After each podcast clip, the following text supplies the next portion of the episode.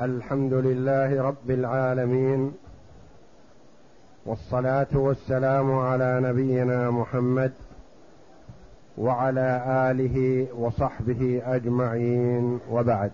بسم الله بسم الله الرحمن الرحيم. قال المؤلف رحمه الله تعالى فصل إذا علق الكفالة والضمان على شرط أو وقتها فقال أنا كفيل بفلان شهرا أو إن قدم الحاج أو إن قدم الحاج أو زيد فأنا كفيل بفلان أو ضامن ما عليه.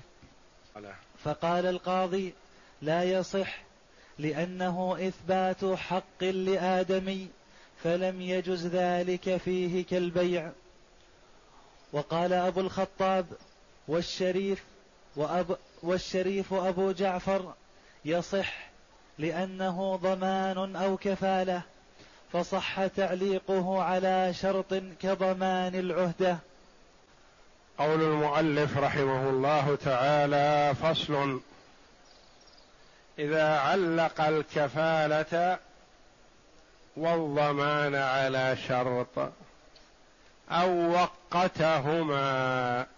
علق الكفالة على شرط أو الضمان علقه على شرط أو وقت الكفالة أو وقت الضمان. فما حكم ذلك؟ فهل يصح أو لا يصح؟ قال القاضي أبو يعلى لا يصح. وقال أبو الخطاب والشريف أبو جعفر يصح. ما صفة هذا؟ نعم. علق الكفالة على شرط. قال مثلا أنا كفيل بإحضار فلان إذا قدم زيد أو أنا كفيل بإحضار فلان إذا قدم الحاج. هذا علقه على شرط. كأن لسان حاله يقول أنا ما أستطيع أحضر زيد أحضر المكفول هذا إلا إن قدم زيد أو إن قدم الحاج لأن مع الحاج شخص يستطيع أن يتحكم به ويسيطر عليه ويساعدني عليه. فإن لم يقدم زيد فلا فلا كفالة. هل تصح هذه الكفالة أو لا؟ أو يقول أنا ضامن لما على زيد إذا قدم عمرو. يعني إذا قدم عمرو فأنا أستطيع آخذ من زيد الحق الذي عليه وسدد. لكن إن لم يقدم عمرو مثلا ما لي حيلة على زيد. زيد ما يعطي الحق صاحبه. أنا ما أستطيع أكفله ولا أضمن ما علي هذا التعليق على شرط. التعليق التوقيت بوقت. قال أنا كفيل بإحضار زيد خلال هذا الأسبوع من اليوم الجمعة إلى يوم الجمعة القادم. فإن لم تطلبوه خلال هذه الفترة يعني كان طلبكم إياه بعد الجمعة القادمة فلا ما علي منه. لأني يقول مثلا أنا أسافر أو يقول زيد يسافر المكفول فأنا أستطيع أحضره لكم خلال هذه الفترة. خلال أسبوع خلال شهر خلال ستة أشهر وهكذا. وهذا معنى قول المؤلف رحمه الله تعالى إذا علق الكفالة يقول أحضر فلان. أو علق الضمان أضمن ما على فلان. على شرط يعني إن قدم زيد هذا شرط. أو وقتهما أنا أكفله. خلال أسبوع خلال شهر. أنا أضمن ما عليه خلال أسبوع. أنا أضمن ما عليه خلال شهر. أما إذا زاد عن هذا ولم تطلبوا منه شيء ما ما أستطيع أربطه طوال السنة أو أكثر من هذا. أكفله شهر. فالكفال مؤقت. أكفله مثلا خلال شهر صفر. إذا طلبتوه خلال شهر صفر أنا أحضره. لكن ما احتجتوه خلال شهر صفر أنا ما أستطيع أربط نفسي هنا عندكم. أنا أسافر. هو كذلك يسافر في طلب الرزق فأنا ما أستطيع أحضره بعد السفر. أنا أستطيع أتحكم فيه أمنعه من السفر أو أوقفه أو كذا خلال شهر سفر وأما ما زاد فلا. فهذا الكفالة أو أو الضمان المؤقت أو المعلق على شرط. أنا كفيل بفلان شهرا هذا مؤقت. أو إن قدم الحاج أو قدم زيد هذا معلق بشرط. فأنا كفيل به أو ضامن ما عليه. فقال القاضي أبو يعلى رحمه الله لا يصح لأنه إثبات حق لآدمي فلم يجز ذلك كالبيع لأن حقوق الآدميين مبنية على المشاحة. ما يصح تقول أنا أكفله خلال أسبوع. طيب تأخر عن الأسبوع ما تكفله؟ يضيع الحق. أنت تكفله مثلا إن قدم زيد افرض زيد ما قدم تواطأتم أنتم وزيد على أن زيد ما يقدم ما يجي. فلا يكون حينئذ كفال ولا ضمان فيكون في تضييع لصاحب الحق. المكفول له والمضمون له تضييع لحقه. لا يصح يقول هذا. لا بد أن يكون الكفال والضمان مستمر حتى يتم التسديد أو يتم الإحضار. إذا كان الكفال بإحضاره حتى تحضره. وإذا أحضرته إن سدد ولا حبسناه حتى يسدد. لكن نحن نمهله أسبوع أو شهر أو كذا ليتلفت ويجمع ما عليه وهكذا نمهله.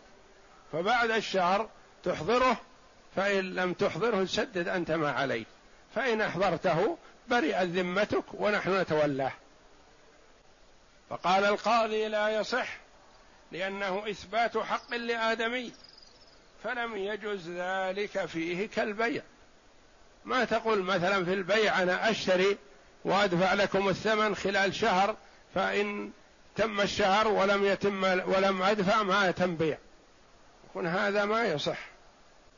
وقال أبو الخطاب والشريف أبو جعفر من أئمة الحنابلة يصح لأنه ضمان أو كفالة فصح تعليقه على شرط. يقول يصح لأنه ضمان وكفالة والحق ما يضيع. الحق على المطالب به أصلا لكن هذا فيه مهلة وفيه مصلحة للمكفول. مثلا نحن قبضنا على المدين وأوقفه القاضي وقال له سدد وإلا حبسناك. قال ما عندي ما أسدد الآن وعندي أموال تحتاج إلى تصفية فإذا حبستني ما سددت. وما صفيت ما عندي. أمهلوني شهر. فنقول من يكفلك؟ فيأتي آخر فيقول أنا أكفله لمدة شهر. أما بعد الشهر ما أتعطل أنا له فنقول هذا في مصلحة. وافرض أنه بعد الشهر ما سدد مثلا الحق ما يضيع لأنه في ذمة الرجل. وإذا أحضره للقاضي خلاف بعد تمام الشهر خلاص يبرأ وينتهي ويبقى الحق عليه إما أن يسدد وإما أن يسجن. فقول أبي الخطاب والشريف أبو جعفر حسن لأن فيه مصلحة فيه مصلحة. يقول أنا أستطيع أحضره وأسيطر عليه وأوقفه في البلد وأمنعه من السفر وألزمه بتصفية أمواله خلال شهر. بعد الشهر ما ما تلزمونني به لأني أنا أسافر ولا هو يسافر.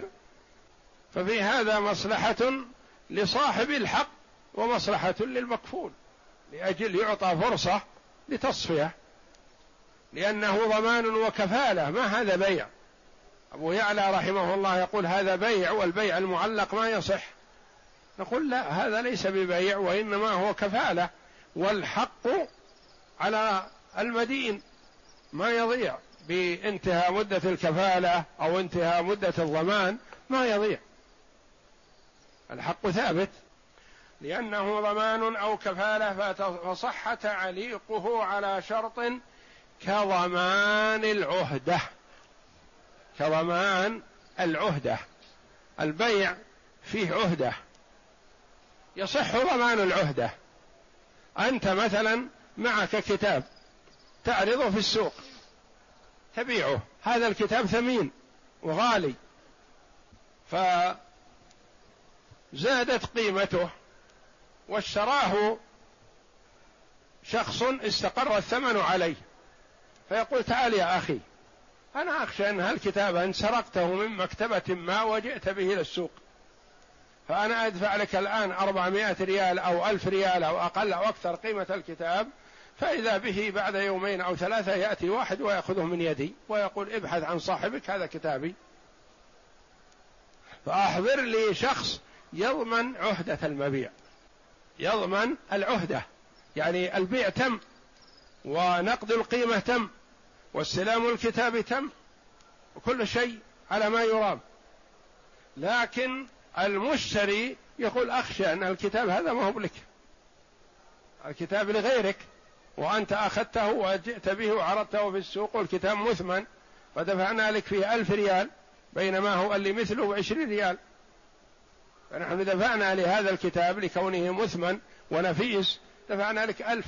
لكن يا أخي أريد من يضمن العهدة. الكتاب ما في عيب ولا في شيء زين. لكن نخشى أن يأتي أخص شخص آخر يأخذه. نقول نعم هذا معقول هذا ولهذا هذا استدل به آه، أبو الخطاب والشريف على أن ضمان المؤقت مثل ضمان العهدة سواء بسواء. يقول أريد ضامن يضمن على أن الكتاب كتابك وهذا الضمان ما يخالف يكون يضمن العهدة على أنه إن تبين شخص يقول الكتاب كتابي وإذا به يسدد ثمن الكتاب. هذا ضمان العهدة. أو مثل مثل ما إذا اشترى سيارة. وقال السيارة الآن يا أخي مظهرها حسن ومناسبة ولا عيب فيها أنا ما يظهر لي فيها عيب. لكن نريد أن نعرضها على الفحص الذي يميزها تمييز دقيق. والفحص اليوم الجمعة. ما فيه عمل مثلا. فلا بد ننتظر إلى السبت والسبت قد يعطوننا موعد بعد ذلك يومين أو ثلاثة. فأنا أريد من شخص يضمن العهدة إن هذه السيارة سليمة من العيوب. فإذا خرجت بالفحص أنها سليمة من العيوب فالقيمة وصلتك وانتهينا وتم الشراء. وإذا تبين أن أن السيارة فيها عيوب الحين في الظاهر ما يظهر لنا شيء لكن الفحص هو اللي يبينها والفحص يحتاج إلى أيام. فهذا ما يقال له ضمان العهدة. يعني الشراء تم والنقد ونقد القيمة تم ولا شيء مطلوب. إلا أن نخشى أن السيارة فيها عيب أو نخشى أن السيارة مطلوبة أو نخشى أن السيارة مثلا عليها في المرور مخالفات وأشياء. فنريد من يضمن العهدة. على أنه إن تبين شيء من هذا فهو يسدد.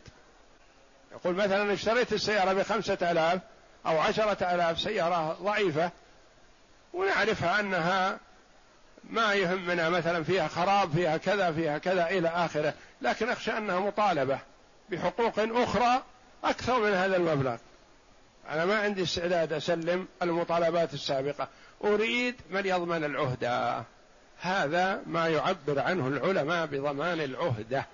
يعني إنه إن وجد شيء ما أو بعض العيوب الخفية أو نحو ذلك هذا ضمان العهدة. وأبو الخطاب والشريف يقولان الضمان المؤقت والضمان على شرط والكفالة المؤقتة والكفالة على شرط شبيهة بضمان وكفالة العهدة. فعلى هذا لو قال كفلت بفلان على أني إن جئت به وإلا فأنا كفيل بفلان أو ضامن ما عليه. صح فيما عدا صح فيما عندهما ولم يصح عند القاضي لأن الأول مؤقت والثاني معلق على شرط. فعلى هذا لو قال كفلت بفلان على أني إن جئت به وقت كذا كما قال في المغني. إن جئت به لأن في توقيت. على أني إن جئت به وقت كذا. وإلا فأنا كفيل بفلان أو ضامن ما عليه. هذه فيها توقيت وفيها شرط. تعليق. فيها توقيت وفيها شرط تعليق. وهي ما قال عنه صح فيهما يعني في الأمرين عندهما منهم أبو الخطاب والشريف. ولم يصح عند القاضي لأن الأول مؤقت الأول ما هو؟ كفلت بفلان على أني إن جئت به وقت كذا. إن جئت به وقت كذا. هذا مؤقت.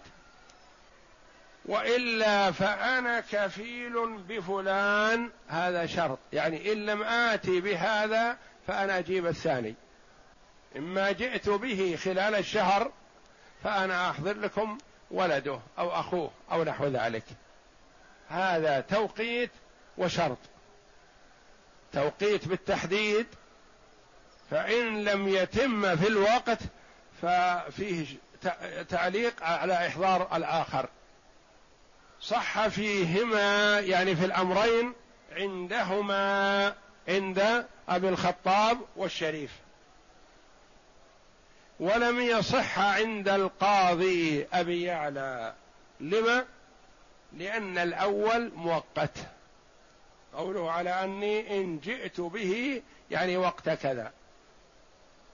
والثاني معلق يعني إن لم آتي به أحضرت لكم فلان وفلان. فالأول مؤقت والثاني معلق على شرط.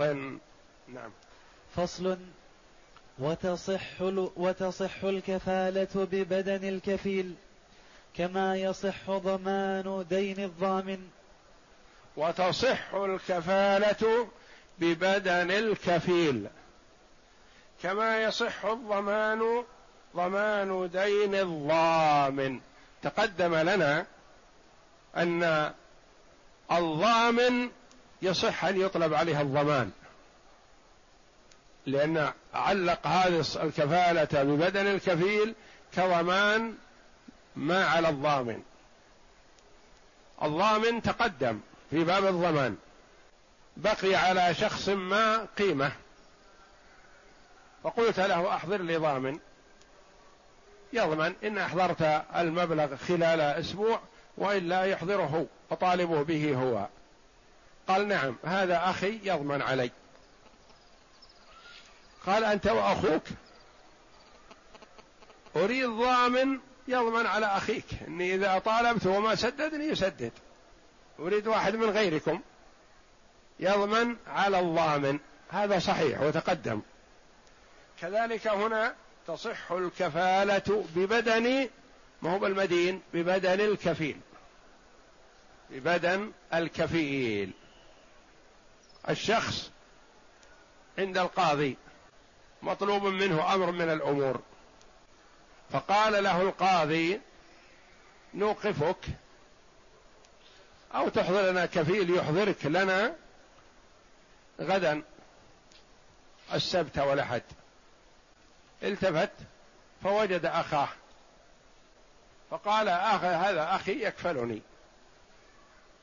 أو هذا أبي يكفلني. أو هذا جاري يكفلني.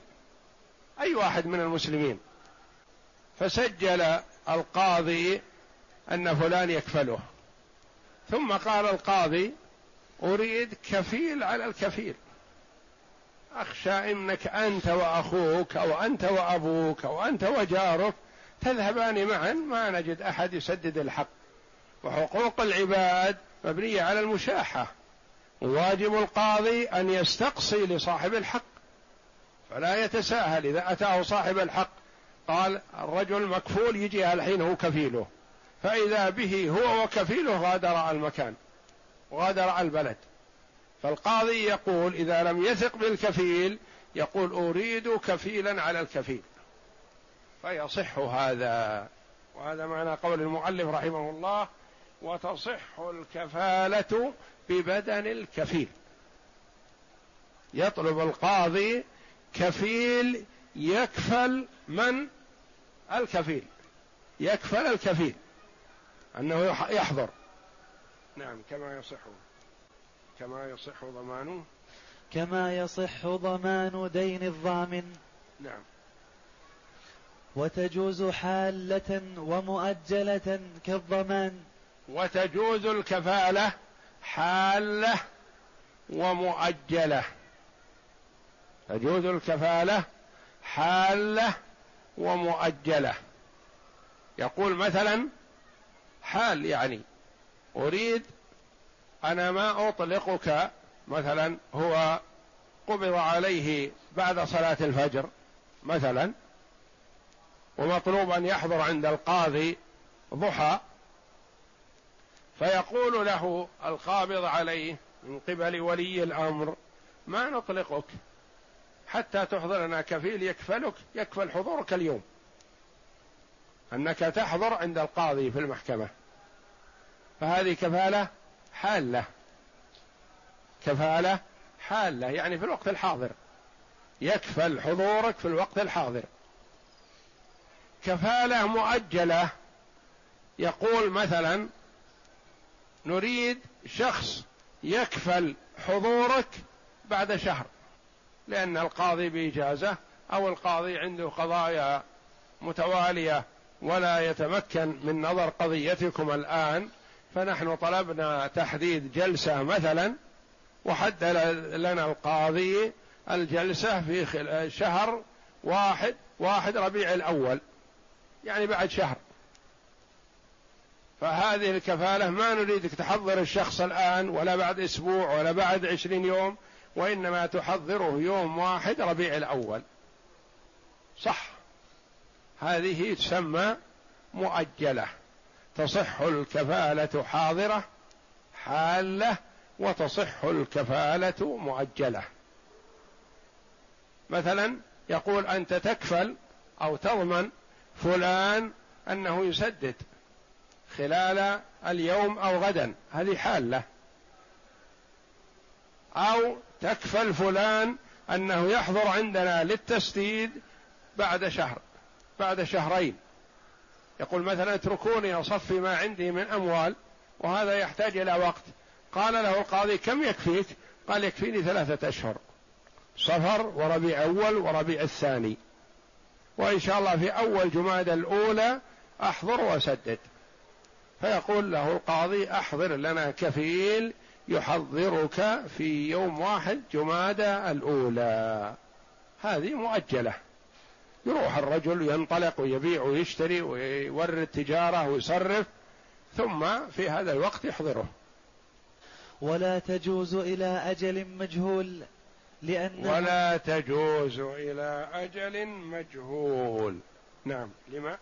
لأنه حق لآدمي فلم يجز إلى أجل مجهول كالبيع. ولا تجوز إلى أجل مجهول. ما تجوز الكفالة إلى أجل مجهول. مثلا يقول أنا أكفله مثلا بعد فترة أو بعد زمن أو بعد توفر كذا في السوق بعد وجود التمر بعد وجود العنب. هذا زمن مجهول ما يصلح. لا بد أن تكون الكفالة محددة لأن في حق لآدمي وإذا كان الأجل مجهول قد يضيع حق الآدمي. فلا بد أن يكون في وقت معلوم. الكفالة في وقت معلوم. وتجوز الكفالة مطلقة ومقيدة بالتسليم في مكان بيعه في مكان بعينه. وتجوز الكفالة مطلقة. يقول مطلوب منك تحضر فلان. هذا كفالة مطلقة. إذا حضره في مكان ما مناسب صح. أو يقول مطلوب منك تحضر فلان في المحكمة يوم كذا. لو حضره في الشرطة أو في الإمارة ما كفى لأنها محدد الإحضار في المحكمة. حدده وتجوز الكفالة مطلقة تحضر فلان. ومقيدة بالتسليم في مكان بعينه تحضره في المحكمة. تحضره في ميناء جدة مثلا. تحضره لدى المحكمة في المدينة. ومطلوب في المدينة هو الآن في مكة. فيقال له ما نطلقك نرسلك للمحكمة في المدينة. يقول أنا مرتبط بأعمال هنا وصفي وكذا وكذا. فيقال احضر لنا كفيل أنه حضرك في المحكمة في محكمة المدينة يوم خمسة وعشرين صفر مثلا. لو حضره في مكة ما صح. ما كفى لازم يحضره في المكان المحدد الذي اتفق عليه. مقيدة بالتسليم في مكان بعينه. نعم. فإن أطلق ففي أي موضع أحضره وسلمه إليه على وجه لا ضرر عليه برئ. فإن أطلق قيل المطلوب أنك تحضر فلان. قال لا بأس. أنا ألتزم بإحضار فلان إن شاء الله. وما قيل له تحضره في مكان كذا ولا في مكان كذا ولا في مكان كذا. الكلام هذا في مكة. ثم تحدد الوقت فذهب يبحث عن صاحبه فوجده في ميناء جدة يريد السفر. فمسك بتلابيبه وقال استلموه. استلموه الآن. هذا هو. يقال له النظر في المحكمة. محكمة مكة مثلا. فكيف نستلمه يقول هذا أنا قلت لي تسلمنا فلان أنا أسلمكم إياه. هذا هو. وأنا ما أستطيع أوصله إلى مكة لأنه الآن لو تركته بيسافر فأنتم هذا هو. فإن كان لا ضرر برئت ذمته. وإن كان هناك ضرر على المكفول له ما تبرى ذمته. يكون أحيانا يسلمه للغريم في ميناء جدة مثلا. يقول ما أستطيع ما أنا أريد سلم مثلا للمحكمة في مكة. فهذا على المستلم ضرر في هذا. لكن إذا التسليم للشرطة أو لجهة حكومية يكفي لأنهم يستطيعون يتحكمون فيه يمسكونه من في الميناء ويودونه حتى يوصلون للمحكمة. لا ضرر. لكن إذا كان التسليم للمكفول له عليه ضرر في هذا. وإن كان عليه ضرر لم يبرأ بتسليمه. لم يبرأ بتسليمه. لو كان هو ذهب يبحث عنه وصاحب الحق يبحث عنه ثم وجده في جدة أو في المدينة أو كذا قال هذا هو. هذا هو استلم هو يقول للمكفول له عليه ضرر في هذا ولا يستطيع. أما إذا سلمه لجهة تتمكن من السيطرة عليه بلا محل قياسا قياسا على من سلم المسلم في وكذا لو سلمه قبل المحل. الكفيل شعر إن المكفول يريد السفر وهو قد كفله والتزم بإحضاره مثلا يوم السبت تسعة وعشرين صفر. فوجده يوم الخميس سبعه وعشرين صفر. فقال هذا الذي التزمت بإحضاره يوم السبت خذوه الآن. هذا قبل المحل ولا بعده؟ قبل المحل. يقول أنا عجلت. بدل ما أسلمه السبت أسلمه الآن الخميس. هل يبرأ؟ لا ما يبرأ. لأنه يقول سلمتني يوم الخميس. يوم الخميس ما في دوام. ولا أتمكن من أخذ حقي. وبعدين ينطلق ويروح الخلين فأنا أريد منك أن تسلموا في وقت أتمكن من أخذ حقي. وهذا معنى قوله وكذا إذا سلمه قبل المحل. إذا سلمه قبل المحل ما يبرأ. يقول أنا سلمتك إياه يوم الخميس. كل يوم الخميس ماذا أعمل فيه؟ ما في دوام ما في محكمة. فلا بد تسلمني إياه في وقت نكون عند القاضي ياخذ حقي القاضي والا يحبسه. أنا ما استطيع اتحكم فيه. قياسا على من سلم المسلم فيه قبل محله أو غير مكانه. يقول لم يبرأ إذا سلمه قبل محله أو في غير مكانه مثل دين السلم. دين السلم تقدم لنا أنه إذا كان إذا قدمه قبل محله صح إلا إن كان على صاحب المال ضرر. ومثلنا في ذلك الوقت قلنا مثلا إذا اشترى منه رطب وقال المحل الوقت مثلا سلمني إياه في واحد رمضان في مكة. فأحضر هذا التمر الرطب مثلا أحضره في خمس شعبان. وقال يا أخي خذ تمرك خذ الرطب.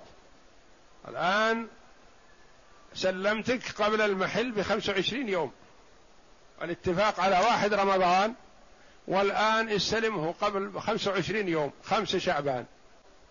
إذا لم يكن عليه ضرر كأن يكون أي بضاعة مثلا ويصلح يستلمها في هذا أو في هذا صح. لكن مثل تمر وكان المحل رمضان مثلا لا هذا مراعى يقول يا أخي أنا أعرضه في السوق الآن في شعبان ما يشرع التمر. التمر يكون سوقه ونفاقه في رمضان. فإذا استلمته الآن منك يلزم لي تخزين وحفظ وكذا وكذا ونفقات مالية ما لا يا أخي خلوا عندك وسلمني إياه في رمضان. فكذلك هنا المكفول إذا سلمه قبل محله ولا ضرر برئ. فإن كان هناك ضرر في الاستلام لم يبرأ كدين السلم.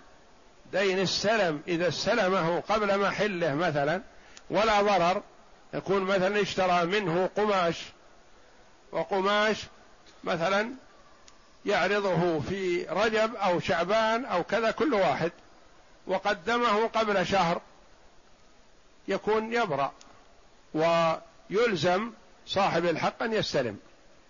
لكن إذا كان هناك فرق وميزة للأيام والأشهر فلا يبرأ ولا يصح ولا يلزم باستلامه. كما مثلنا بالتمر مثلا. يقول أنا لو عرضت التمر في شعبان في أول شعبان يمكن الكيلو بريالين وثلاثة. فإذا كان أول رمضان الناس يقبلون كلهم يشترون تمر لأجل الإفطار. فيمكن أبيع الكيلو بخمسة. فلا أقبله منك. يقول نعم معقول هذا. له حق. فالكفال تسليمه قبل محله إذا لم يكن ضرر صح فإن كان هناك ضرر فلا, فلا يصح ولا يبرأ. أدين السلم إذا سلمه قبل محله ولا ضرر صح. وإذا كان هناك ضرر فلا يلزم استلامه لوجود الضرر عليه. والله أعلم. وصلى الله وسلم وبارك على عبد ورسول نبينا محمد وعلى آله وصحبه أجمعين.